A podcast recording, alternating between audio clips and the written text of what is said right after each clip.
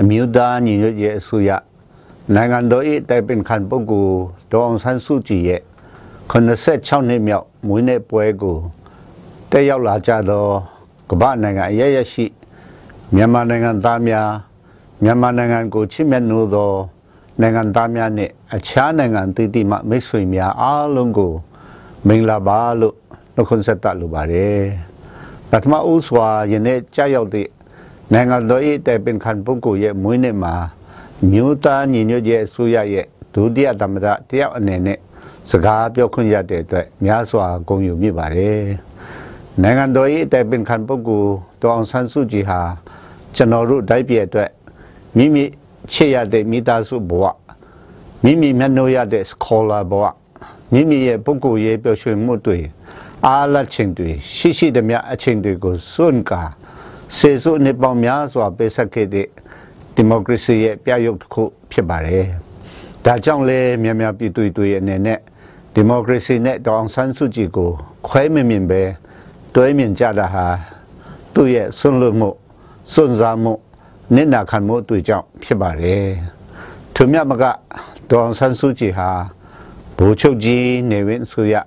ဘူချုပ်မူကြီးစောမောင်ဆိုရဘူချုပ်မူကြီးတန်းရွှေဆိုရနဲ့ယခုစစ်အာဏာ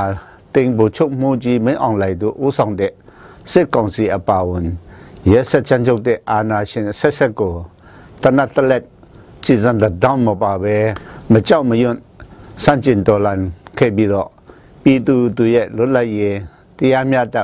မှုရရှိရေးနဲ့တိုင်းပြည်တရားဝပြောရေးတို့ကိုဥထိတ်ထားခဲ့သူ ဖြစ်ပါတယ်။ဒါကြောင့်မို့အာဏာရှင်အဆက်ဆက်ကသူ့ရဲ့နိုင်ငံရေးပါရမီနဲ့ဩဇာကိုကြောက်ရွံ့နေရတာဖြစ်ပါတယ်ဒီလိုမျိုးကိုကျိုးကိုမနဲ့ပဲလူထုဖက်ကရပ်တည်ပြီးတော့စစ်အာဏာရှင်တွေကိုစန့်ကျင်တော်လှန်ခဲ့လို့လူထုကလည်းသူ့ကိုယုံယုံကြည်ကြည်နဲ့တခဲနဲ့ ထောက်ခံကြတာဖြစ်ပါတယ်